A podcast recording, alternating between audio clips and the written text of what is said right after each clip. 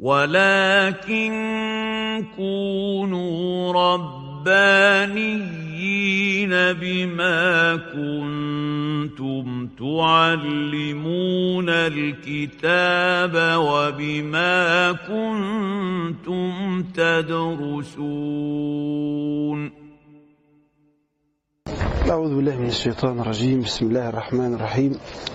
والصلاة والسلام الأتمان الأكملان على سيدنا مولانا محمد وعلى آله وأصحابه وأتباعه وأحبابه ومن سار على نهجه واستنى بسنته ودعا بدعوته إلى يوم الدين وسلم تسليما كثيرا. اللهم ارحمنا فأنت بنا راحم ولا تعذبنا فأنت علينا قادر والطف بنا مولانا فيما جرت به المقادير. أرنا الحق حقا وارزقنا اتباعه. وأرنا الباطل باطلا وارزقنا اجتنابه ولا تجعل الحق يلتبس علينا فنضل ونشقى. إنك يا ربنا أكرم مسؤول وأعظم مأمور. أما بعد فقد تكلمنا عن القرآن الكريم وتعريف القرآن الكريم وتعريف علوم القرآن وتكلمنا عن قضية الوحي. وبعدين من وجهة نظر المسلمين يعني وتكلمنا عن بعض الشبهات التي قد ترد على قضية الوحي. ومنها ما قلناه في اللقاء السابق بأن الرسول عليه الصلاة والسلام كما يدعي أعداء الإسلام والكفار أنه أخذ القرآن الكريم عن معلم. سواء كان هذا المعلم النصراني كما هو الحال مع بحيرة كما يدعون أو سواء كان هذا المعلم أعجمي كما كان الحال مع الرجل الذي كان يصنع الدروع في أعالي مكة أو كما هو الحال مع نفسه هو بأنه ليس أميا وأنه يستطيع أن يقرأ وأن يكتب وأن يقرأ الكتب وأن يطالعها وأن يفهم ما فيها ثم يقوم بتلخيصها تلخيصا سريعا ويضعها في كتاب يسمى القرآن الكريم. وطبعا لا يخفى علينا أنهم يقولون هذا الكلام مصحوبا بوابل من المديح لسيدنا رسول الله بأنه عبقري وأنه لوذعي وأنه يعني ما استطاعت الفطرة الإنسانية أن تصل لشيء إلا وكان محمد هو أول الواصلين إليها. كل هذا عشان يركز الفكرة ويضخمها بأن كل هذه القرآن ما هو إلا تعبير عن ما كان يجول في صدر سيدنا رسول الله صلى الله عليه وسلم. وليس هناك وحي ولا شيء من هذا القبيل. للأسف الشديد في واحد من المنحطين الرقعاء الوضعاء اللقطاء اسمه سيد القمني. فسيد القمني ده له كتاب اسمه الحزب الهاشمي. هو أولا جاهل يعني. يعني في علمانيين وفي ناس تتجرع على الإسلام ولكن عندها علم. عندها علم يعني. ولكن هو جاهل. لا يستطيع أن يتكلم كلمة عربية صحيحة. وأنا قد زرت بلده في صعيد مصر وهي بني سويف وبلدته اسمها قمن العروس. وقمن العروس هذه كلمة قمن وقمن وقمين في اللغة معناها جدير. يقول هذا الأمر أو هذا الرجل قمين بكذا أي جدير به. فمعنى قمن العروس أي جدير بالعروس يعني صار كفءا لها ده معنى هذا الكلام. ولذلك هو ينسب إلى هذه البلدة ليه؟ كلمة القمن دي جاية منين؟ ف سألت عنه وعن عائلته فوجدت أنه رجل ساقط المروءة كما قال لي الناس يعني وساقط الأخلاق ويعني ارتكب من الأشياء ما يستحي أن أذكرها إلى آخره. ولكن كاتب كتاب اسمه الحزب الهاشمي إن كل القصة دي الإسلام وما أدراك كلها عبارة عن ما هي إلا طريقة لاستيلاء بنو هاشم أو لاستيلاء بني هاشم على السلطة. لا أكثر من هذا ولا أقل. طب الحزب الحزب الهاشمي ده زي ما أنت قلت عنه الحزب الهاشمي ده ده رجل يعني في هيئة تأسيسية وفي مثلا لجنة تنفيذية وفي لجنة كذا وفي لجنة كذا وفي أقطاب. يعني لما أتكلم مثلا عن حزب حزب الوفد مثلا والله بنقول اللي أسسه سعد باشا زغلول عشان الوفد المصري لما راح يفاوض الإنجليز وبعد كده إجا بعد سعد زغلول مصطفى النحاس وبعد كده مصطفى النحاس فؤاد سراج الدين وبعد فؤاد سراج الدين مين؟ ها؟ ها بعد فؤاد سراج الدين مين انتوش عارفين طيب يلا على بركة الله بعد فؤاد سراج الدين هتلاقي مثلا في العصر الحديث هتلاقي نعمان جمعة وقبل بعد نعمان جمعة الراجل اللي كان أخو وزير الزراعة ده اسمه إيه؟ ها؟ آه اللي هو اسمه محمود أباظة ده كان وزير الزراعة إنما أخوه كان رئيس الحزب وبعد كده اجى الأخ اللي ماسك ده. فيعني في عراق إنما الحزب الهاشمي أسسه هاشم وسقط وقع. لأن لما أحيي على يد سيدنا رسول الله. طب تسميه حزب إزاي؟ ها؟ يعني في في استمرار للفكرة موجود. هذا اللي المهم الشاهد إن هو قال كلام أو جاب بيت شعر مكذوب نسبه لأحد العرب يقولون فيه لعبت قريش بالملك فلا ملك أتى ولا وحي نزل. هو عايز يقول كده. يعني كل القصة دي لعبة بالملك. طيب هو لو لو عاوز إن هو الرسول عليه الصلاة والسلام اخترع القرآن الكريم ده علشان الملك. طب لما لما لم يورث الملك لواحد من أبنائه؟ أو من أبناء عمومته ها؟ أو واحد من بني هاشم حتى ها؟ ده اللي أول خليفة مسك أبو بكر الصديق تيمي مش هاشمي تيمي من بني تيم بن مرة. سيدنا أبو بكر رضي الله تعالى عنه سيدنا عمر من بني عدي ها؟ سيدنا عثمان من بني أمية. ما فيش إلا سيدنا الإمام علي من بني هاشم. هذه القصة كلها. هو لو كان عايز السلطة أو عاوز الملك كما يدعي هؤلاء اللقطاء المرتزقة كان مثلا ورث الملك لناس من عائلته. ويبقى إذا أصبحت المسألة هرقلية كما هو حال هرقل. هرقل يموت نمرة واحد يبقى يتولى بعده هرقل نمرة اثنين أو كسروية كما يقولون. إنما الرسول عليه الصلاة والسلام ضرب أعلى المثل في احترام الإرادة الإنسانية. حتى ما فيش واحد من الصحابة تجرأ حتى يقول له من يلي الأمر من بعدك؟ فيش حد. ها؟ لأنه سيب ناس من النضج ومن القوة ومن العلم بمكان يستطيعون أن يديروا أنفسهم بكل إرادة وبكل اختيار وبكل حرية إلى آخر هذه الإيه؟ إلى آخر هذه الأمور فإذا سيرة الرسول عليه الصلاة والسلام تدفع هذا الكلام تدفعه وتدحضه. هذا الإيه؟ هذا المعنى. فده الإيه؟ ده بعض ما قيل عن مسألة الوحي. الآن أو اليوم إن شاء الله نحلل ظاهرة الوحي. ظاهرة الوحي. إحنا قلنا طرائق الوحي قبل كده. تكلمنا عن طرائق الوحي. وقلنا إن طرائق الوحي إما أن تكون عن الرؤية أو عن كلام الله عز وجل أو تكليم الله عز وجل لأحد من الأنبياء من وراء حجاب أو بدون حجاب كما حصل مع سيدنا المصطفى صلى الله عليه وسلم في رحلة الإسراء والمعراج. والأمر الثالث أن يرسل رسولا. قلنا إن إرسال الرسول أخذ عدة صور. إما أن ينزل بصورته الملائكية الحقيقية وده حصل مرتين. إما أن ينزل في صورة رجل عادي كصورة دحية الكلبي. إما أن ينزل في صورته الملائكية ولكن مصحوب بصوت يشبه صوت صلصلة الإيه؟ صلصلة الجرس.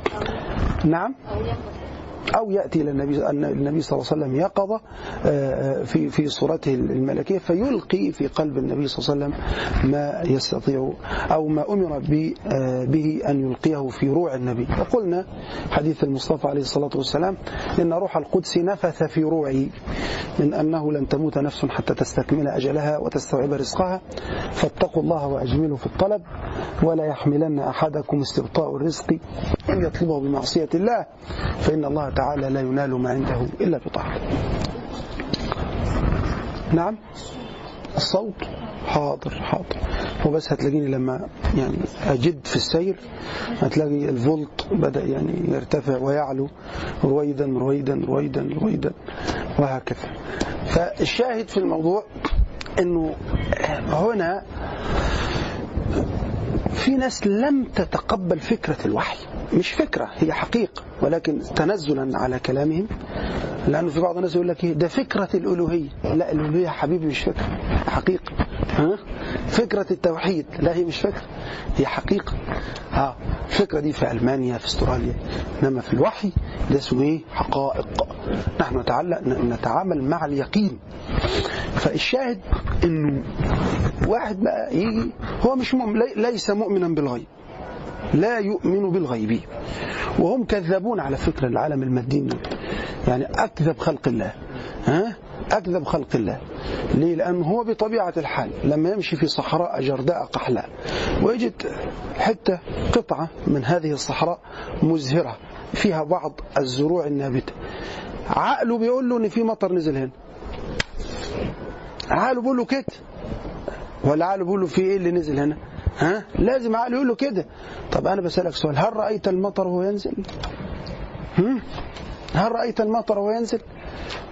لا لم ترى المطر وينزل ولكن العقل حكم بهذا. واحد روحت البيت عندك لقيت الباب مفتوح. ها؟ عندي سبامها مغلق. آه الباب مفتوح. خلاص. يبقى اذا واحد فتحه. طيب وأنت شفتي الواحد ده؟ شفتوش بس حكم العقل إن في حد داخل هنا. لازم يكون. فهو بينكر الغيب نظريا. ينكره نظريا. إنما في حقيقة الحال لا يستطيع أن ينكر الغيب. ينكر الغيب إزاي؟ ده الغيب في هذه الحياة أكثر من الشهادة. الذي غاب عنا والذي لا نستطيع أن نراه أكثر بكثير جدا مما نرى المهم آه قال لك إزاي يعني هذا البني آدم المنكر لوجود الله سبحانه وتعالى والمنكر لقضية الوحي؟ يقول لك إزاي؟ أنا مش مصدق ان في حاجة زي اللي أنت بتقولها دي. لست مصدقا أن ملك أنا مش شايفه ينزل على نبي بكلام أنا مش شايفه يعطي, النبي أو يعطي الملك النبي ما يقولون إنه وحي. أنا مش مصدق هذه الإيه؟ هذه الأمور. وفسروها بتفسيرات عدة. تفسيرات إيه؟ من هذه التفاسير؟ قال لك ده الحالة الحالة التي كانت تنتاب محمدا صلى الله عليه وآله وسلم الحالة التي كانت تنتاب محمدا في المسألة اللي بيقولوا عنها إنها وحي هي تشبه إلى حد كبير مرضى الصرع الناس اللي عندهم صرع طبعا أنا سألت أحد الأطباء وقلت له هل في حد منكم هنا طبيب؟ له في الطب يعني؟ طيب هل الصرع ده مرض ولا كهرباء زايدة؟ كهرباء ليس مرضا. فأنا سألت أحد الأطباء وقال لي هذا. إنما على أي حال. قال لك سيدنا محمد صلى الله عليه وسلم ده صرع. أنتم مش بتلاحظوا يا جماعة لما الوحي بينزل عليه بعض أسنانه ويرتجف أعضاؤه ويخشى على نفسه ويعرق جبينه ما دي كلها الأعراض التي تصيب المصروع. الأعراض التي تصيب الإيه؟ التي تصيب المصروع. طيب هو بيقول كده يعني بيفسر الحالة التي تنتاب سيدنا رسول الله وعندما ينزل عليه جبريل بالوحي عبارة عن حالة حالة تشبه حالة المصروعين وليس حالة وحي. طيب رد عليه نقول له أول حاجة عم. أول حاجة كده. كيف نرد على هذا؟ واحد. سلمنا سلمنا أن هذا الذي تدعيه صحيح. أنه صرع. ولكن هل المصروع هل المصروع عندما يفيق من صرعته من الممكن أن يتذكر شيئا وهو في حال صرعه؟ هل ممكن أن يحدث هذا؟ ده سؤال كده إحنا سلمنا جدلا يعني. زي ما قال سيدنا إبراهيم لعبدة الكواكب هذا ربي. فلما أفلت قال لا أحب الآفلين. هو أنتم مش بتقولوا إن ده ربي؟ أنا بقول معاكم. بس لما أفل غاب نوره. لا يا جماعة مش مش مش هكمل بقى. لأن الإله اللي عمال يروح يجي ده ده ما لا يصح أن يكون إله. المتغير لا يصح أن يكون إله. لما؟ لأن الله تعالى هو الذي يغير ولا يتغير. يبدل ولا يتبدل. كل يوم هو في شأن.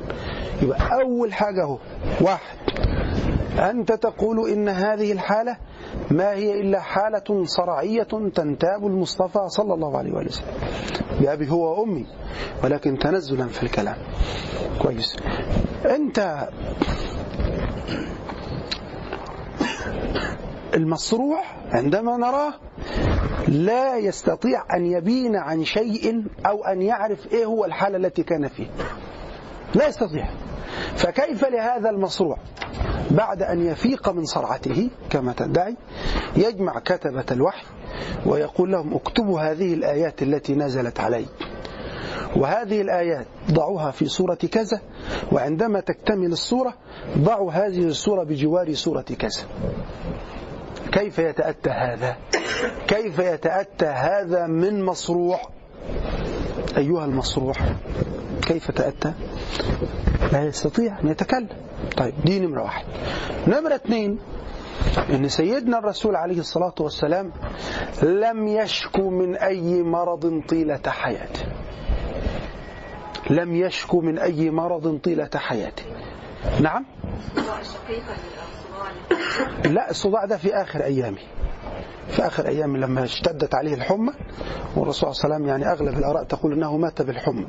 الحمى يعني زادت عليه وذلك الرسول صلى الله عليه وسلم قال إن الحمى من فيح جهنم فإذا حدثت فأبردوها بالماء. يعني اللي هي نظام الكمادات اللي بيعملوا لي من دول نظام الكمادات. ويقال أنه الرسول صلى الله عليه وسلم مات بالكوليرا أو حاجة زي كده يعني زي ميكروب.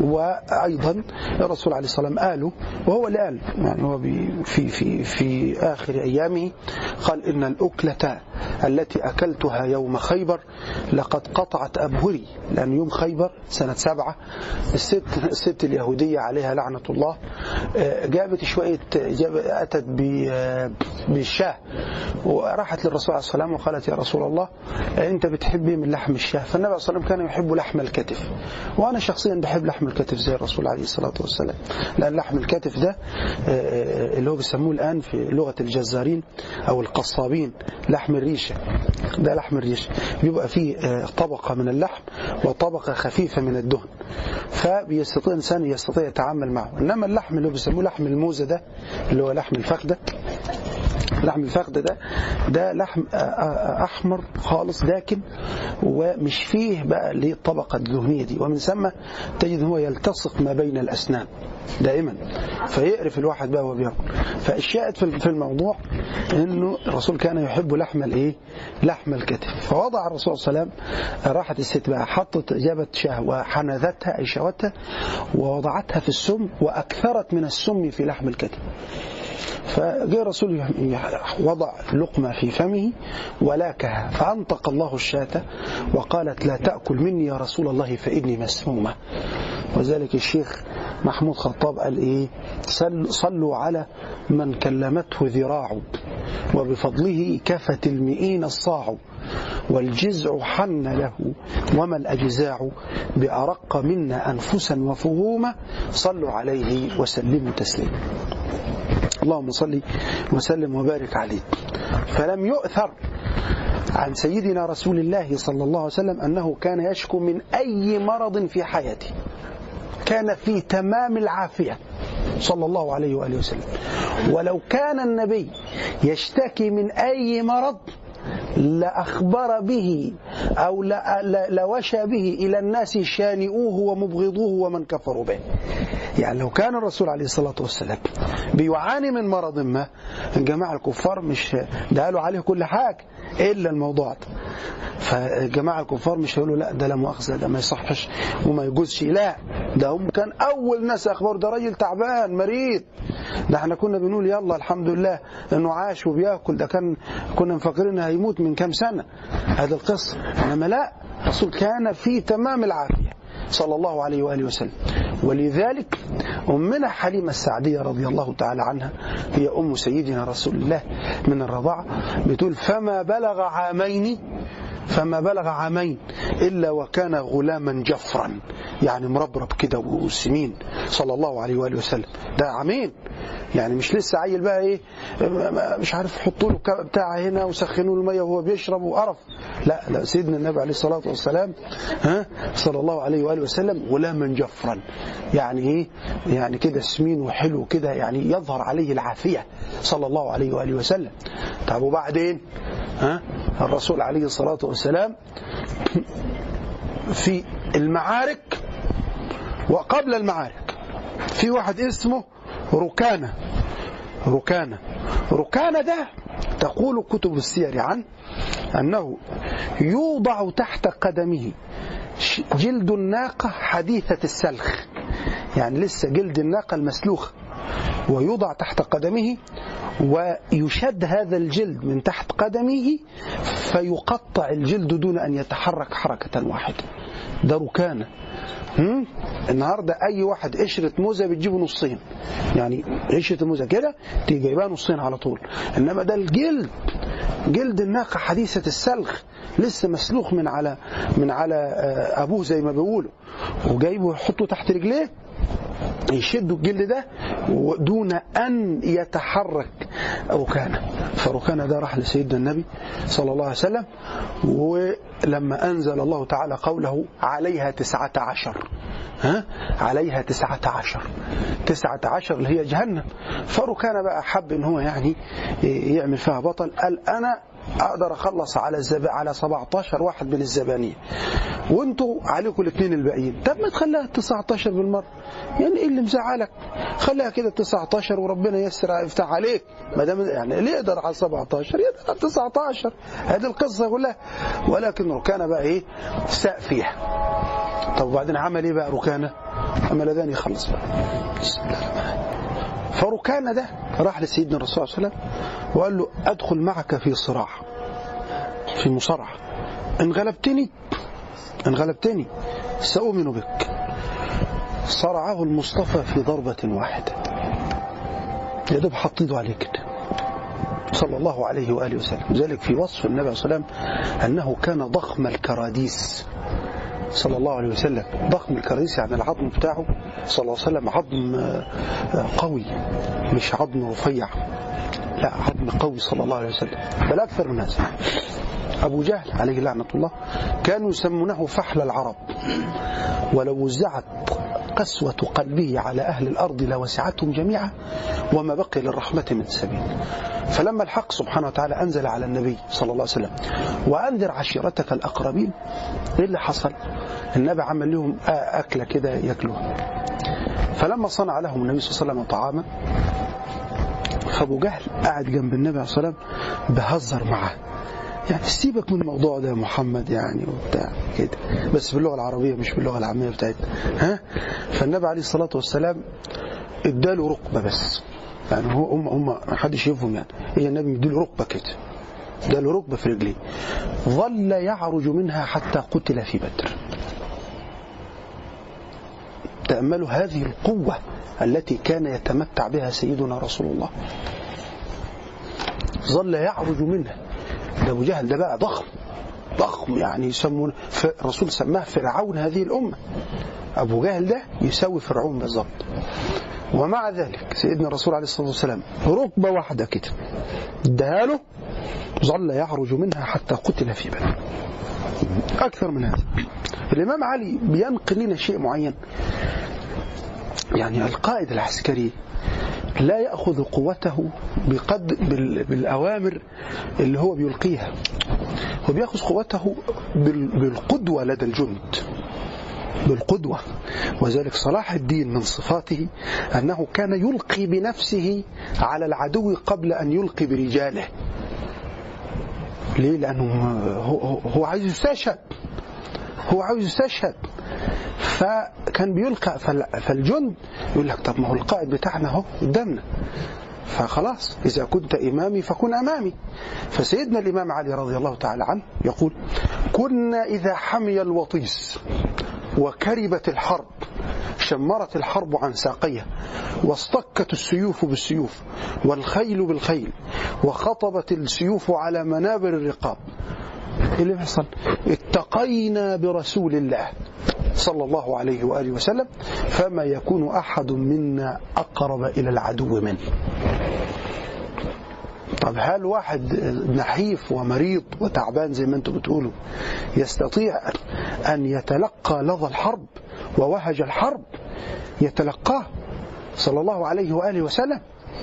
شوف انت في غزوة حنين لما انكسر الجيش كله وهربوا. هربوا زي ما قال القرآن ولوا مدبرين. ماذا صنع المصطفى صلى الله عليه وسلم؟ ركب بغلته المشهورة ونادى أنا النبي لا كذب أنا ابن عبد المطلب. حتى اجتمع الجيش مرة ثانية وكتب الله عز وجل له النصر. هل يتأتى ذلك من مصروع؟ صلى الله عليه وآله وسلم. سيدنا الرسول عليه الصلاة والسلام كان يعلم الناس يوزع الصدقات. يعقد ألوية الجيوش. يسير الجيوش إلى هنا وهناك. هل يتأتى هذا الأمر من مصروع الرسول عليه الصلاة والسلام كاتب الملوك والأمراء. وأرسل إليهم رسائل يدعوهم فيها إلى دين الله سبحانه. هل يتأتى ذلك من مصروع الرسول عليه الصلاة والسلام كان يقف أو كان يجلس في مسجده فيتلقى الوفود من هنا وهناك ويناقشهم ويجادلهم. هل يتأتى هذا من مصروع الرسول صلى الله عليه وآله وسلم تعامل مع أخلاق القرشيين وهي أخلاق صخرية. إلى يوم الناس هذا. يعني الناس لما تروح مكة تلاقي الناس جلف واقف قدامك كده. إلى يوم الناس هذا. لذلك في واحدة مصرية راحت تزور سيدنا مقام سيدنا رسول الله صلى الله عليه وسلم. ففي واحد من العساكر هناك قال حجي. حجي يعني ما يجوز ما يجوز ما يجوز. فقال والله يا رسول الله أنا مش عارف إيه اللي جابك عند العالم الظلمة دي. تعال شوف ابن بنتك في مصر مهيصينه. اللي هو سيدنا الحسين يعني. يعني, يعني فانت إيه اللي جابك عند العالم الظلمة دي. طيب دول المسلمين. طيب الأجداد بقى الكفرة. ها؟ كان أخلاقهم إيه؟ ومع ذلك تحمل النبي هذه الأخلاق الصخرية. تحملها تحملا شديدا لدرجة أنه جعل منها عيونا باكية. تبكي لمجرد سماع آية أو تبكي إذا دخلت في الصلاة. أو تبكي إذا مر عليها طيف من أطياف الإسلام الأولى التي كانت مع رسول الله صلى الله عليه وسلم. هل يتأتى هذا من مصروع الرسول صلى الله عليه وسلم جمع في عصمته أكثر من تسع من النساء. منهن الأبكار ومنهن الثيبات منهن الصغار ومنهن الكبار. كلهن. لم يقلن في سيدنا رسول الله صلى الله عليه وسلم قولا حتى ولو كان مجرد إيماءه يقولن فيه صلى الله عليه وآله وسلم أنه ضعيف من, من, من, من ناحية الجانب الجسدي صلى الله عليه وآله وسلم. الرسول عليه الصلاة والسلام كان يتمتع بقوة باهرة وذلك العلامة الزرقاني يقول كان النبي صلى الله عليه وسلم صحيح البدن سليم الجسم يثبت في الميدان حين يفر الشجعان فصارع ركانة المشهورة فصرعه هل يتأتى هذا الأمر من مصروع من واحد يعاني من مرض؟ هذا المعنى. فلو كان المصروع هو الذي يجيش الجيوش ويعقد الألوية ويوزع الصدقات ويعقد حلقات العلم ويتزوج فوق النساء من النساء فوق التسع ويقوم على إصلاح الناس ويحول الأخلاق الصخرية إلى أخلاق عذبة رطيبة فنعم المصروع هو يعني كان مصروع بهذا المعنى يا ريت كلنا نتحول إلى مصروعين. يعني إذا كان المصروع يأتي بهذا الأمر ها؟ يعني يأتي بهذه الكمالات كلها يبقى اذا هو نعم المصروع. يبقى اذا موضوع أن النبي عليه الصلاة والسلام كان مصروعا ده في شنك. موضوع في شنك. ملوش ملوش ذلك واحد من المستشرقين يقول إذا كان من الممكن أن يتمتع أحد بقوة بالغة فلن يكون غير محمد صلى الله عليه وسلم. لأن ربنا سبحانه وتعالى أعطاه من المواهب الجسدية لأنه قال له إنا سنلقي عليك قولا ثقيلا. النهاردة لو رحت المدينة المنورة ورحت بقى في العربية لو مش مكيفة بس ها؟ بيدفن في مكة. على طول. أو, أو ما بين مكة وفي الحديبية ما بوصلش لا يصل سليما إنما ده يسير حافي القدمين صلى الله عليه وآله وسلم في هذه الصحراوات القفراوات البيداوات يصير فيها فيهن صلى الله عليه وآله وسلم من أي هذه القوة؟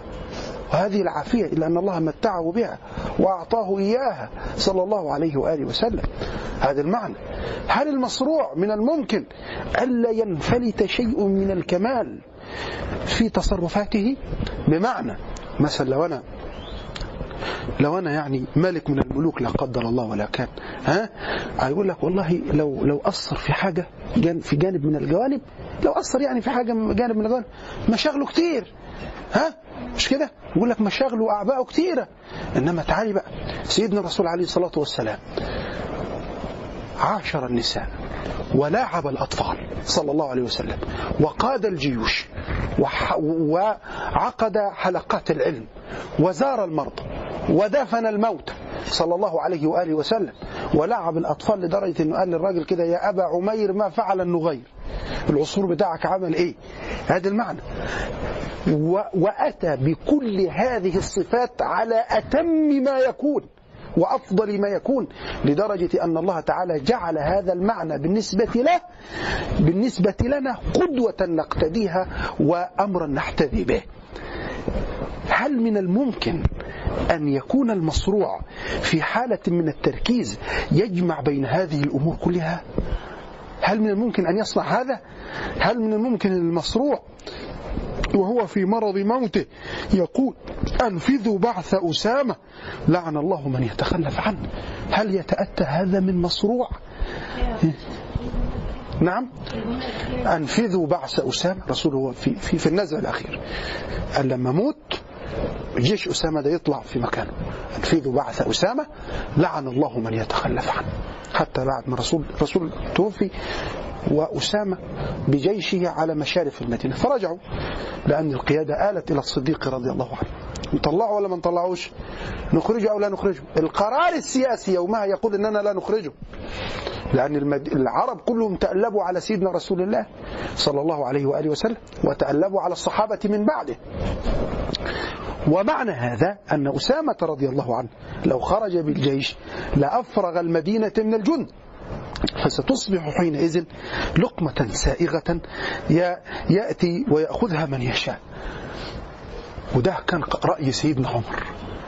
فراح دخل بيه على سيدنا أبو بكر. سيدنا أبو بكر لا مؤاخذة يعني مسح بيه الأرض قال له أجبار في الجاهلية خوار في الإسلام؟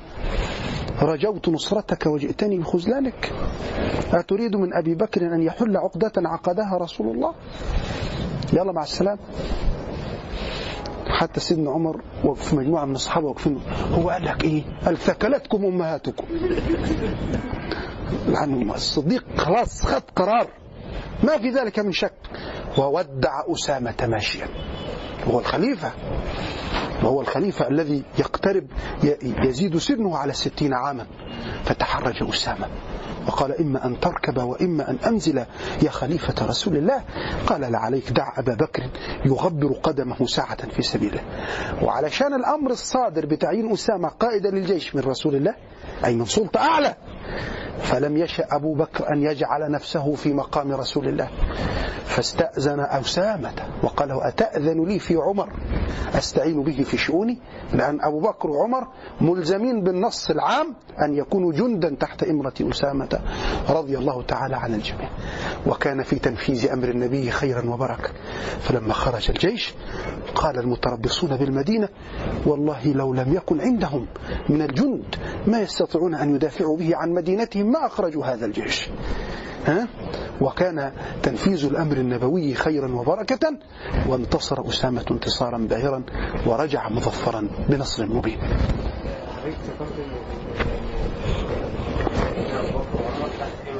آه. هو ما هو سيدنا والنبي قال كده. انفذوا بعث أسامة. لعن الله من يتخلف عنه.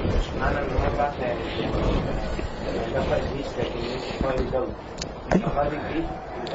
الجيش كله يا مولانا بما فيه جنود أبو بكر وعمر. وبعدين أبو بكر وعمر مش أول مرة يخرجوا تحت إمرة حد. ما طلعوا لسه من سنة 8 تحت إمرة عمرو بن العاص في غزوة ذات السلاسل. أبو بكر وعمر الاثنين.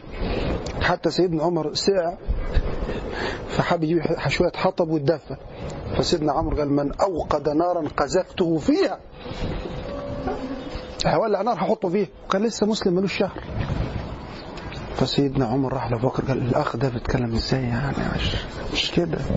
صح الشيخ ده كلام. فسيدنا الصديق رضي الله عنه قال له أصمت فوالله ما ولاه علينا رسول الله إلا لعلمه بالحرب. هو شاطر في الحتة دي.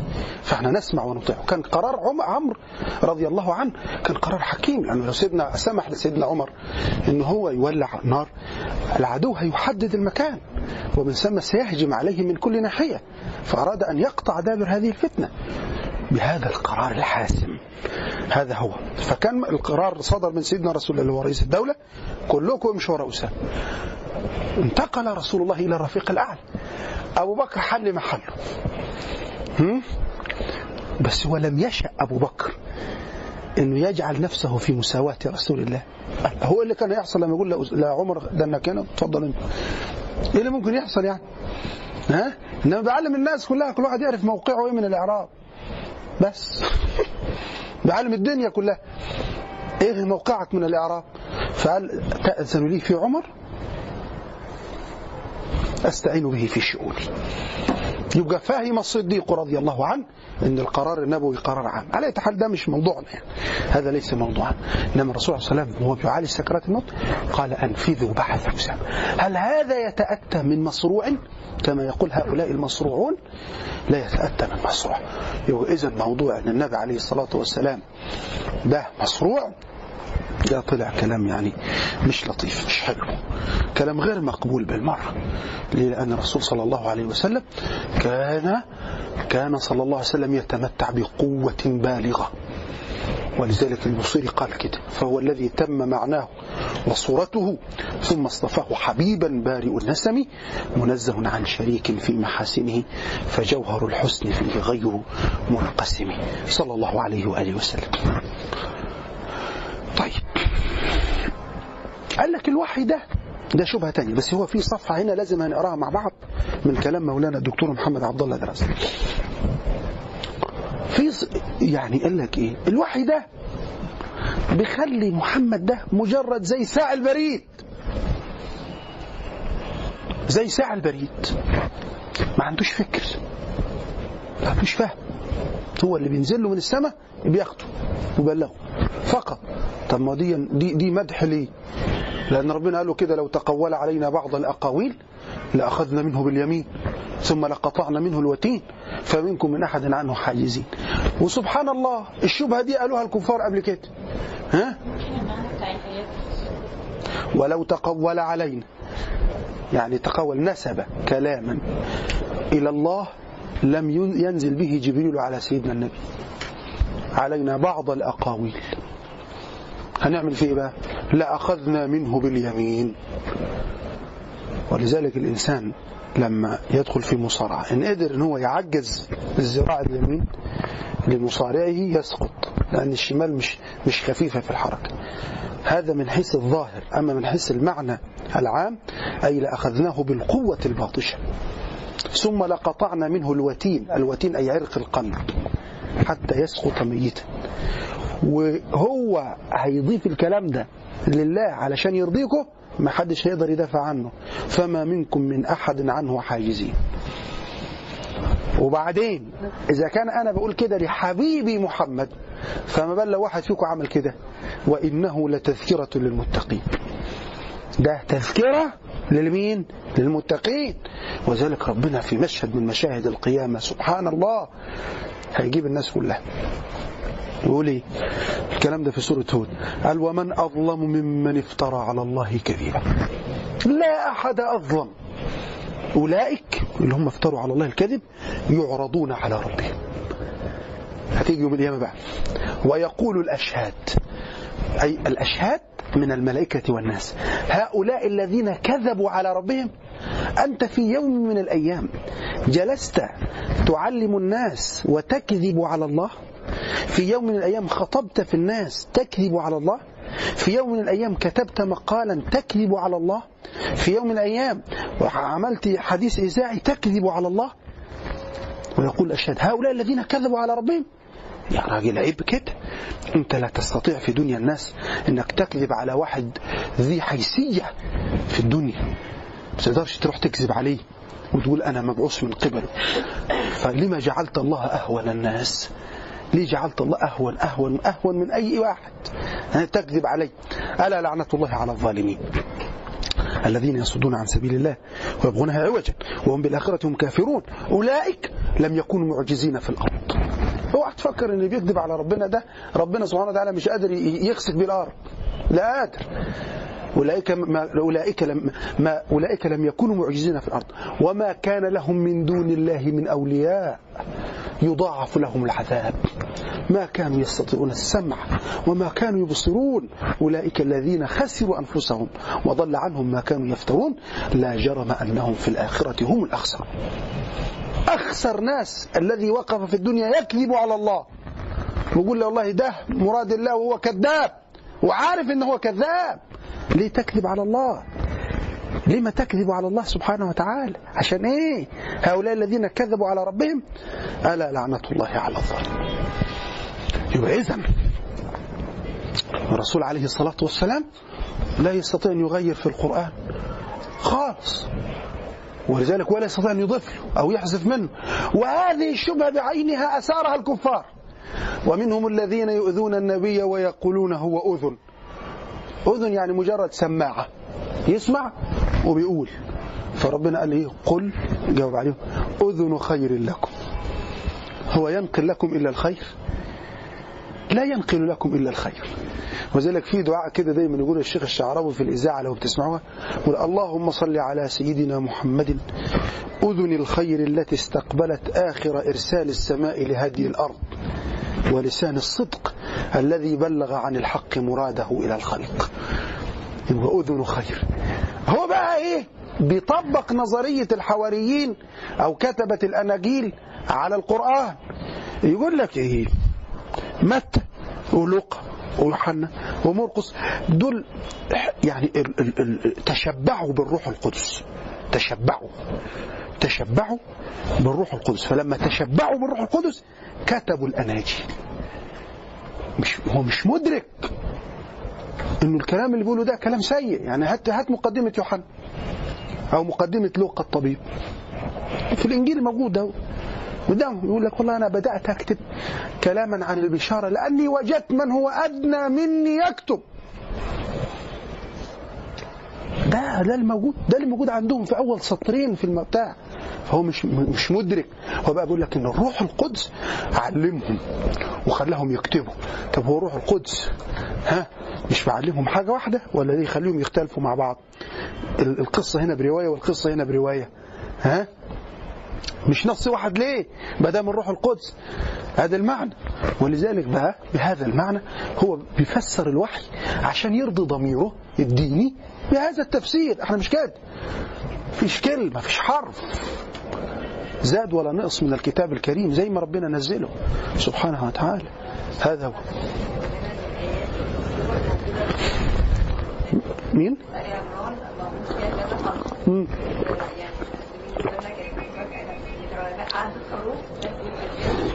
حروف ده الحروف والآيات وال... ده فيش ما فيش نص ديني نص مقدس خدم كما خدم نعم.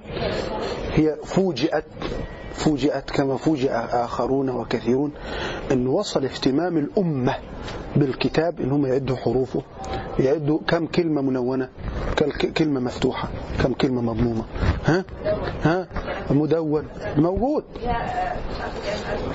موجود يا مولانا. ده صحيح. إنما أنت عندك في ال في ال في, ال في الكتاب المقدس مثلا أنا تخصصي الأصيل أديان ومذاهب. فالإمام ابن تيمية كاتب كتاب عن النصارى اسمه الجواب الصحيح لمن بدل دين المسيح. والإمام ابن القيم كاتب كتاب اسمه هداية الحيارى في أجوبة اليهود والنصارى. والإمام أبو محمد بن حزم كاتب الفصل في الملل والأهواء والنحو والإمام القرطبي كاتب الإعلام بما في دين النصارى من الأوهام. فأنا بقرأ في الكتب دي. يقوم هم مستدلين بكلام من عندهم يعني جايبين نصوص من الكتاب المقدس. أجي أدور على النصوص دي مش لاقيها. مش لاقيها في الكتاب المقدس الموجود. أمال هم المشايخ دي يعني بتنصب على النصارى؟ ده احتمال. إنما الاحتمال اللي هو طلع صح إنه الإنجيل اللي كان أيامهم هو كده. وما زال. وانت ماشي كده. آه وانت ماشي كده. عمال إيه؟ بسم الله ما شاء الله وانت ماشي كده شغال. هذا القصة يعني آه ما آه ده, ده اللي آه. لما هو جه لما حضرتك تشوفه في الجديد مش موجود. مش موجود. لهم آه، على طول طبعة مزيدة ومنقحة. بل هو كان في كان في بتاع واحد هنا آه، دكتورة اسمها دكتورة نفوسة زكريا سعيد آه، لها رسالة كان أداب اسكندرية بس مش عارف ماتت من زمان الله يرحمها بقى لو كانت ميتة أو الله يديها الصحة لو كانت عايشة ما عرفش يعني. إنما كاتبة كتاب عن أو رسالتها في الدكتوراه عن العامية الدعوة إلى العامية. في مصر وهجر اللغة العربية. فجابت لنا نصوص من الإنجيل كانت الكنيسة كاتباه باللغة المصرية العامية باللغة العامية. ونزل عليها الملاك وقال لها يا مريم بالكده يعني زي حكاية مصاطب كده. ده موجود في في ال- في الكتاب. آه. أنا شفت كنت بعالج بعالج مريض عندي ف- فلقيتها بتقول لي كان عندها ديسك بتقول لي أنا عندي ديسك في فتره وبعد كده جالي آه، نزل عليا. الروح القدس. آه، مش عارف المسيح. والعذراء و... واثنين قديسين. آه. وعملوا إيه كده؟ ما عملوا لها مساج. قامت قامت ولا من الله الصراحة قلت كده يعني تعمل إيه. كده الحمد لله الحمد لله. يا ربنا يشفي. يا ربنا يشفي. أمم؟ يا ربنا يشفي. قادر ربنا يشفي. هو في هبل أكتر من اللي إحنا بنسمعه ده. المهم يا جماعة ده الإيه؟ ده النقطة. فموضوع طلعوا بيهم وقالوا يا جماعة ده إنه محمد بتاعكم ده عبارة عن ناقل هو زي ساعة البريد. هقول لك ما هو التشبيه ليس من كل وجه. فعلا ساعة البريد بيودي الرسالة لأصحابها دون أن ينقصها. بس الزيادة اللي أنت مش عايز تقولها إن سيدنا الرسول كان فاهم لموضوع الرسالة. ليه؟ لأن ربنا قال له في آية تانية ثم إن علينا بيانه يعني سنعلمك كيف تفسر القرآن كيف تبين القرآن كيف توضح القرآن. الرسول ما قدر لا يستطيع. لا يستطيع. وذلك يا جماعة لما تقروا في القرآن الكريم استحالة من المحال. انك تقدم صورة على صورة وده هنعرفه في المحاضرات الجاية. أو إن حضرتك تقدم آية على آية أو حتى القصة على القصة. يعني مثال مثال واحد. قصة آدم عليه السلام انذكرت في سبع صور في القرآن. في قصة في في في, في عندنا في في سورة آه، البقرة. هم، فأزلهما الشيطان عنها فأخرجهم ما كان فيه. وعندنا أيضا في إيه؟ في قصة سورة الأعراف. وأحنا المهم في موضع في سورة إيه؟ في سورة طه في آخر صفحة. أو الصفحة قبل الأخير. ها؟ يا- آدم فوسوس إليه الشيطان وقال يا آدم هل أدلك على شجرة الخلد وملك لا يبلى؟ مش كده؟ فأكل منه فبدت لهما سبعته فطفق يقصفان عليهما من ورق الجنة وعصى آدم ربه فغوى. ثم اجتباه ربه فتاب عليه وهدى قال أهبط منها جميعا فإما يأتينكم منه هدى. فمن اتبع هداه فلا يضل إيه؟ ولا يشقى يبقى هنا في سورة طه قال فمن اتبع هداه فلا يضل ولا يشقى مش كده؟ طيب وفي سورة آه، آه، البقرة قال فمن اتبع هداه فلا خوف عليهم ولا هم يحزنون. طب ليه قال هنا لا يضل ولا يشقى وليه هناك لا خوف عليهم ولا هم يحزنون؟ ها؟ ما أنا جاي لك أهو. ها؟ أنا جاي لك يا مولانا. لما نرجع إلى السورة من أولها إلى آخرها ربنا أول آية في سورة طه قال في إيه؟ طه. ها؟ واذا كما لم نحكم بالشقاء على أبيك الأول آدم لن نحكم بالشقاء عليك من خلال القرآن الذي نزل عليك. هذا المعنى. ما ينفعش إن أنا أنقل حديث القرآن في سورة طه أحطه في سورة البقرة. ما يمشيش. ما يمشيش ولا يصح لا من قريب ولا من بعيد. من المحال ولذلك لما ربنا يقول ألف لام را كتاب أحكمت آياته ثم فصلت من لدن حكيم خبير. أحكمت آياته. ما ينفعش أقدم حرف مكان حرف. ده, ده بعض العلماء زي الشافعي مثلا عندما كان يحضر له الأدباء يقولون كان الشافعي إذا حضرنا حضرنا. أو قال علينا درس من الدروس لا تستطيع أن تقدم كلمة قدمها أو أن تقدم كلمة أخرها أو أن تؤخر كلمة قدمها. ده سيدنا الإمام الشافعي. طب سيد الخلق الذي يعطي جوامع الكلم صلى الله عليه وآله وسلم. فهذا طيب يبقى هنا دي اسمها ظاهرة الإيه؟ دي اسمها أو أو الشبهات حوالين الوحي. انه قال لك. ده نوع من الصرع. ده متاخذ من الكتب السابقين. ده متاخذ من معلم. ده النبي بتاعكم سعي إيه؟ النبي بتاعكم سعي بريء نقرأ بس الصفحة دي مع مولانا الإمام. نعم. الصفحة رقم آه، 100 آه في النبأ العظيم عنوان ظاهرة الوحي وتحليل إيه؟ وتحليل عوارضها. أنا عاوز كل واحد كل كله معاه كتاب؟ طب ليه مش معاه كتاب ليه؟ واي ليه مش معاه كتاب؟ ها؟ هم؟ آه في النبأ العظيم. أرجوك يكون معكم الكتاب يا أخوان. إن غابت الأصحاب فصاحب الكتاب. فيه حديث السمر مزينا بالصور. أسأله يجيبني عن كل ما يريبني. يحلو به البيان وما له لسان ده الكتاب. ظاهرة الوحي وتحليل عوارضها. المرحلة الثالثة من البحث. هات هات الفهرس. المرحلة الثالثة من البحث. إحنا عندنا جه في الصفحة لما العيش تقدم ولا إيه؟ ها؟ وصلتم؟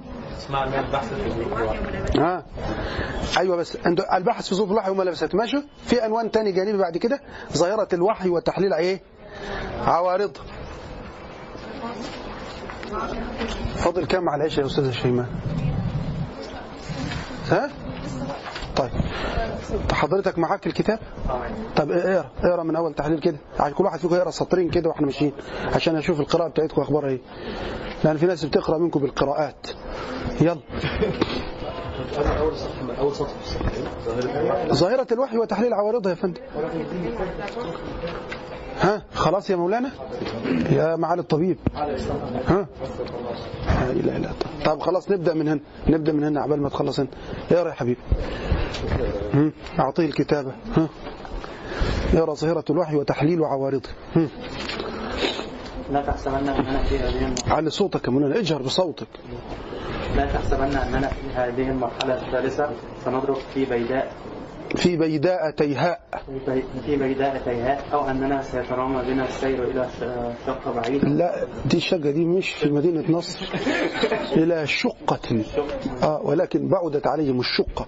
نعم. النسخة اللي معانا دي مش عارفين. حاضر حاضر حاضر حاضر. ماشي كمل يا مولانا. إلى شق بعيدة وسطر غير فاصل كلا فلا نخرج بحثنا عن دائرة عن دائرة محدودة. نراها مظنة مظنة للسر. نراها مظنة ها. مظنة للسر الذي نطلبه وذلك بدراسة الأحوال المباشرة التي كان يظهر فيها القرآن على لسان محمد بن عبد الله صلى الله عليه وعلى آله. وكلنا نعرف تلك الظاهرة العجيبة التي كانت تبدو في وجهه الكريم في كل مرة حين ينزل عليه القرآن. وكان أمرها لا يخفى على أحد ممن ينظر إليه. كانوا يرونه قد أحمر وجهه أحمر وجهه. أحمر وجهه فجأة. وأخذته اللي ب... آه. حتى يتفصل جبينه عرق يتفصد جبينه. جبينه عرق ماشي. اقرا يا باشمهندس؟ ها؟ وفصل جسمه حتى يكاد فخذه فخذ فخذ الجالس إلى جانبه. آه. وحتى لو كان راكبا لبركت به راحلته. وكانوا مع ذلك يسمعون عند وجهه أصوات مختلفة تشبه دوية. ماشي. ثم لا يلبث حتى أن تسرع عنه تلك الشدة. فإذا هو يتلو قرآنا جديدا وذكرا محدثا. ماشي. فمن شاء أن يبحث عن مصدر هذا القرآن فها هنا أقرب مظان ففيها فليحصر فليحصر الباحثون بحوثهم يعني على الحالة دي حالة الاحمرار والشدة التي كانت تنتاب سيدنا رسول الله صلى الله عليه وآله وسلم. دي الحالة اللي إيه؟ إن إحنا هنفسر هنحاول تفسير هذه الحالة التي كانت إيه؟ تنتابه صلى الله عليه وآله وسلم. أيوه. وأين أنا مش عارف أجيب في الكتاب ده. الكتاب ده تلاقي باطل. آه. لا يلا. ها أين تلتمس الأسباب الصحيحة لأثر ما إن تلتمس يظهر ذلك الأثر. وحيث يدور وجوده وعدمه. فلننظر الآن في هذه الظاهرة. هل كانت شيئا متكلفا مصنوعا وطريقة تحريرية يستجمع بها الفكر والروية؟ كانت شوف انت مولانا الدكتور دراز رضوان الله عليه بيقول إيه الحالة اللي كانت بتنتاب الرسول هل كانت شيئا متكلفا مصنوعا يعني الرسول عليه الصلاة والسلام يستطيع صناعتها في أي وقت؟ زي الممثل كده. الممثل يضحك في مكان ويعيط في مكان وشيء من هذا القبيل. ليه؟ لأنه متكلف مصنوع. ليس أمرا آه، آه، في في أعماقه. هو أمر يحاول أن يتشبه به أو أن يتقمصه. هل الحالة دي كذلك؟ نشوف الإجابة. ها. أم كانت أمرا لا دخل فيه للاختيار مم. وإذا كانت أمرا غير اختياري فهل كان لها في داخل النفس منشأ, منشأ من الأسباب الطبيعية العادية؟ يعني كنوع من الجبلة. يعني مثلا لما الواحد يحرك ايده كده كده كده كده يقوم ايده تعرق. ده طبيعي أمر طبيعي لأنه في حركة في البدن. ال- الجسد إيه؟ آه، آه، آه، استخرج بعض الماء. طيب يعني إذا كان أمر غير عادي بس هل هذا الأمر ينطلق من الجبلة النبوية هنشوف ها الطبيعية الشاذة كاختلال القوى العصبية. أم كانت انفعالا بسبب خارجي منفصل عن قوى شوف بقى مولانا هنا بيتكلم كلام عقلي صرف هل المسألة دي متكلفة؟ ده هنجاوب عليه. الأمر الثاني لو كانت أمر غير متكلف هل ده يعني له في النفس أصل؟ بمعنى زي النوم. هو أمر غير متكلف. زي النوم زي الجوع أمر غير متكلف. الواحد لما بيجوع خلاص بيبحث عن الطعام ليأكله. أو أمر ناشئ عن اختلال في البنية كما يقول هؤلاء الظلمة بأن النبي صلى الله عليه وسلم كان مصروع هنشوف الموضوع ده.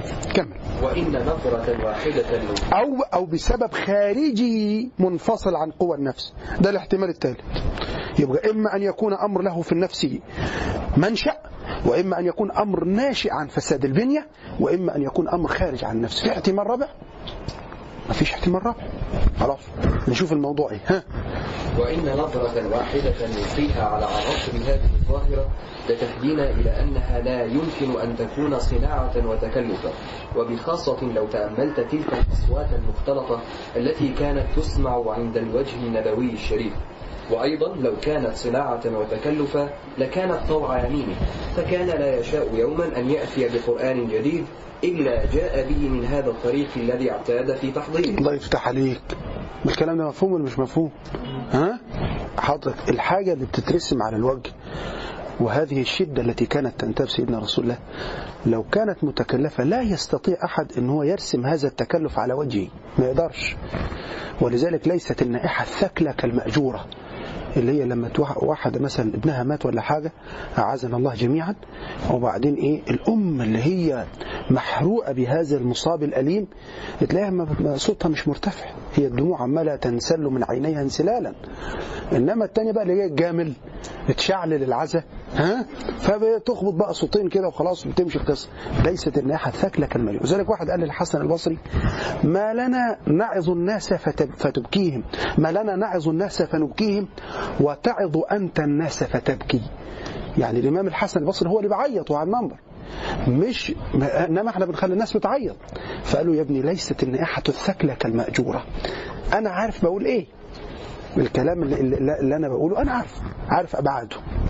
ومن ثم آه، اللي حاسس بيه مش زي اللي حاسس بيه. فده إيه؟ ده النقطة. ولذلك مسألة إخوة يوسف لما عملوا الكلام ده مع يوسف ليه قرروا الرجوع آخر النهار؟ ها؟ وجاءوا أباهم عشاء يبكون. لأنه آه أي بني آدم مهما استطاع من الحكمة والذكاء والمكر ي- يجيب كلام متساوي لن يستطيع أن يخفي علائم وجهه. فرجعوا بالليل علشان آه والله أخونا ومش أخونا ومش عارف إيه. وهم إيه ما يظهرش هذا لا يستطيع سيدنا يعقوب أن يتبين هذا على إيه يتبين هذا على وجوههم فقال تعالى وجاءوا أباهم إيه عشاء يبكون. هم عاملين موضوع من بدري ما كانوا روحوا على طول. إنما لا خلينا بالليل علشان ما إيه لا ينكشف إيه لا ينكشف أمرنا. طيب ولو كان صناعة وتكلف من سيدنا رسول الله صلى الله عليه وسلم ما كان استحضره في أي وقت. ها؟ ما هو المكنة موجودة عنده. ادينا ايتين هنا ماشي تيجي المكنة مطلعة ايتين. ادينا ثلاث آيات هنا المكنة مطلعة ثلاث آيات. وهكذا ما هي موجودة. الآلة التي تصنع موجودة عند رسول الله. يا انت يا مولانا بقى. وقد علمت أنه كثيرا من على صوتك بقى مولانا. وقد علمت أنه كثيرا من التمسه في أشد أوقات الحاجة إليه وكان لا يظفر به إلا حين مثلا حادثة الإفك. حادثة الإفك. أنا قاعد شهر ليه؟ طب ما كان على طول المصنع يشتغل ونزل الآيات التي تبرئ أمنا عائشة. إنها مش عنده كثير جدا من الأسئلة كانت توجه لسيدنا رسول الله صلى الله عليه وآله وسلم وكان الواحد بيفتر عنه ما يجيبوش. والآية الكريمة لما لما لما اليهود سألوه وقال لهم هجيب لكم ال ال ال ال الإجابة غدا. ففتر الوحي عنهم علشان يمشي الرسول ينسب الأمر إلى الله. وقال له كده في سورة الكهف ولا تقولن لشيء إني فاعل ذلك إيه؟ غدا إلا أن يشاء الله. واذكر ربك إذا نسيت وقل عسى أن يهديني ربي لأقرب من هذا إيه؟ من هذا رشدا. ها؟ فهي إذا حالة حال غير اختيارية الله يفتح عليك. اللي بعد منه ها؟ ثم إننا نرجع البصر كرة. لا نرجع. ثم إننا نرجع البصر كرة أخرى فنرى البعد شاسعا بينها وبين عارض السبات الطبيعي الذي يعتري المرء المرء, المرء فيه لا الذي يعتري المرأة في وقت يعتري المرء في وقت حاجته إلى النوم فإنها كانت تعروه قائما أو قاعدا وسائرا أو راكبا وبكرة أو عشيا. الله يفتح عليك. هل ممكن واحد ينام وهو سايق العربية؟ أو ممكن يكون واحد نايم وهو سايق الطيارة؟ إلا لما هو عاوز ينيم اللي معاه كلهم في في, في جنات ونهر. ها؟ هل ممكن هذا يعني؟ ها؟ إنما الوحي كان ينزل على الرسول وهو راكب الداب فتبرك. الرسول عليه الصلاة والسلام وهو قاعد جنب واحد وفخذه على على على اللي جنب منه فينزل. الرسول عليه الصلاة والسلام هو ماشي في الطريق. الرسول عليه الصلاة والسلام هو بيزور كذا. الرسول عليه الصلاة والسلام وهو في مجمع من الناس في رحلة في في حجة الوداع. نزل عليه قول الله تعالى اليوم أكملت لكم دينكم وأتممت عليكم نعمتي.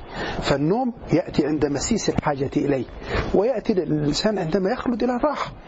يعني يخلد إلى الراحة. يعني أديكم مثال.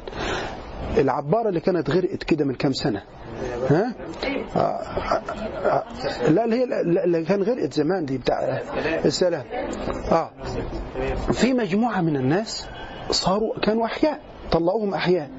الناس دي قعدت أكثر من خمسين ساعة أو ستين ساعة تعاني البرد وتعاني الجوع. لما لم يفكر واحد منهم في الجوع في أنه يأكل؟ مجرد تفكير. أكبر من هذا. نسيه خالص. نسيه.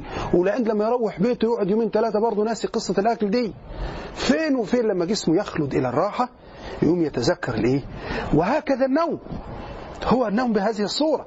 فلما يجي واحد يقول لي والله ده هي تشبه لأن النوم له منشأ.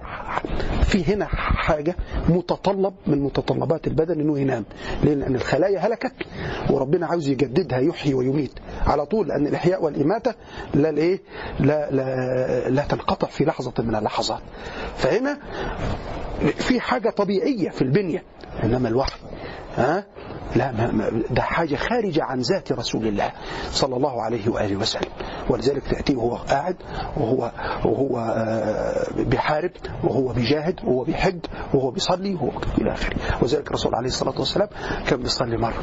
فنسي بعض الآيات. فبعد أن انتهى التفت إلى أبي. قال ما منعك؟ ما ردتنيش ليه؟ قال ظننتها نسخت يا نبي الله. إن جبريل نزل عليك وقال لك لا الايات دي مش تبعنا فانتظرت. ها؟ فانتظرت. يبقى اذا ممكن ينزلوا الوحي وفي الإيه؟ في الصلاة. وهكذا. كمل يا مولانا. وفي وفي أثناء حديثه مع أصحابه أو أعدائه؟ آه في أصحابه ماشي. طب واعدائه إزاي؟ ها؟ لما الرسول راح للجماعه اليهود بتوع بني النضير يقول لهم يا جماعة عاوزين نتشارك في الدية في دية الراجلين اللي ماتوا ظلما. فهم قالوا بعض ده هو في حالة كويسة دلوقتي هنط- نخرج نصعد أعلى البيت ونلقي عليه شق الرحى فيموت. ودي مؤامرة سرية الرسول ما عرفهاش. الرواية بتقول إيه؟ الرسول قاعد كده أهو وراكن نفسه إلى جدار الحائط. فالصحابة ما شافوه اللي هو. فظنوا أن النبي قام لحاجته. إنه قام لحاجة. يعني مثلا أهم يروح الحمام مثلا أو حاجة زي كده. قام لحاجته. وحتى الصحابة انتظروا. انتظروا إن الرسول يروح لحاجته ويرجع. فقالوا لا ده وجدناه داخلا المدينة في بيوت أزواجه. وراح هناك صدر القرار طلعوا العيال دي بره؟ العيال دي كلها تطلع بره قالوا طب ليه يا رسول الله؟ إيه اللي حصل؟ في واحد منهم يهودي كان مدقدق قوي عارف إن هو نبي قال سيخبرن يعني يعني عيب يعني, يعني. قالوا لا لا ما- سيبك من الكلام ده إحنا هننسى إن هو نبي اليومين دول ها؟ سيخبرن فقال إن جبريل أخبرني. إن العالم دي كانت عاوزين يجيبوا. طب هم قال ما قالوش ليه لسيدنا الرسول أنت كذاب؟ والله العظيم ثلاثة ما حصل الكلام أنت بتقوله ده. ها؟ ها؟ انما هو كذاب كذابون. عارفين أنفسهم على على كذب وضلال مبين. هذا هو. يبقى نزل على الوحي وهو بين أعدائه. صلى الله عليه وآله وسلم. يلا يا سيدي. وكانت تعروه فجأة وتزول عنه فجأة وتنقضي في لحظات يسيرة. لا بالتدريج الذي يعرض للوسنان. للوسنان أي النائم. وكانت تصاحبها النائم يعني. للوسنان. النائم كانت تصاحبها تلك الأصوات الغريبة. آه. التي لا, لا تسمع منه ولا من غيره عند النوم. لا تسمع منه ولا غيره ولا من غيره ولا غيره عند النوم. ولا غيره عند النوم. وبالإجمال كانت حالا حالا تباين تباين. تبين حال النائم. أي تخالف مخالفة تامة. تبين حال النائم في أوضاعها وأوقاتها وأشكالها وجملة مضارعها تفضل يا أبي. ده ده الكتاب ده الكتاب.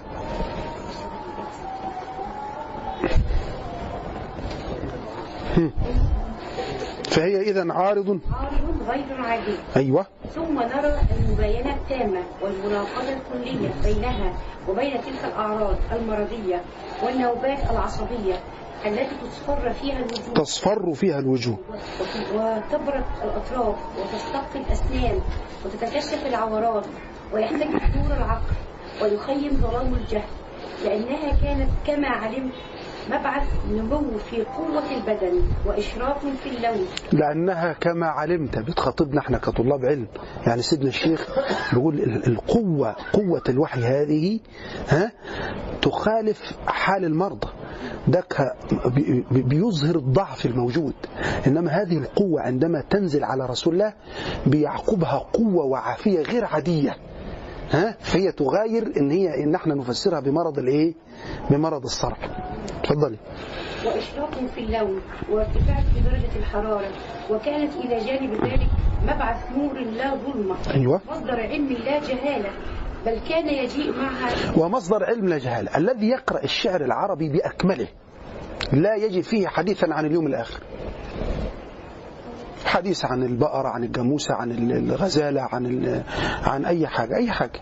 عن الشجرة عن مش عارف إيه عن ليلى عن بسينة عن عزة. ما هو دي المحبوبات اللي في الشعر العربي قيس بن الملوح كان بيحب ليلى والتانية التاني جميل بيحب جميل كان بيحب بثينة وكثير أو ك أو كثير كان بيحب عزة آه. كثير أو كثير. ولذلك قال لك إيه؟ وإني وتهيامي بعزة بعدما. تخليت عما بيننا وتخلتي لي كالمرتجي ظل الغمامة.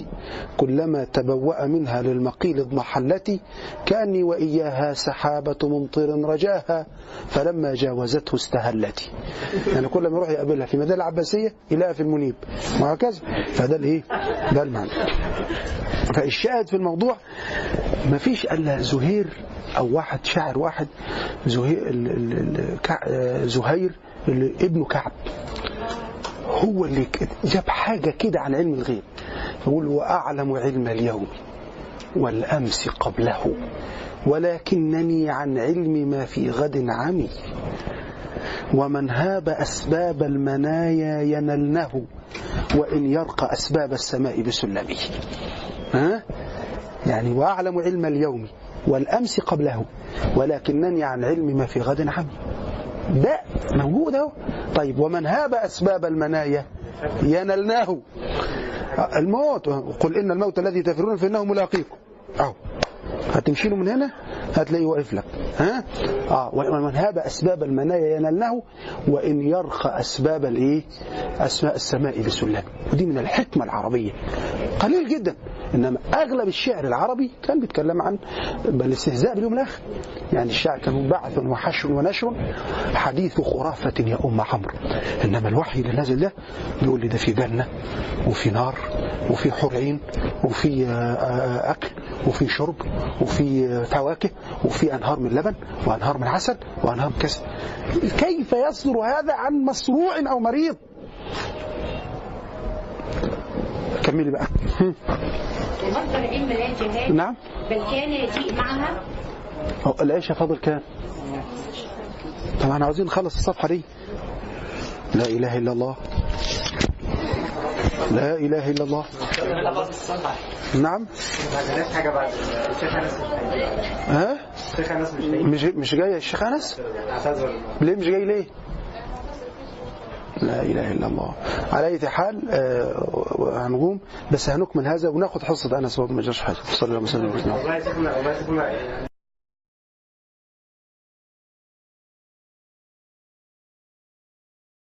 هو الذي بعث في الأميين رسولا منهم يتلو عليهم آياته ويزكيهم ويعلمهم الكتاب والحكمة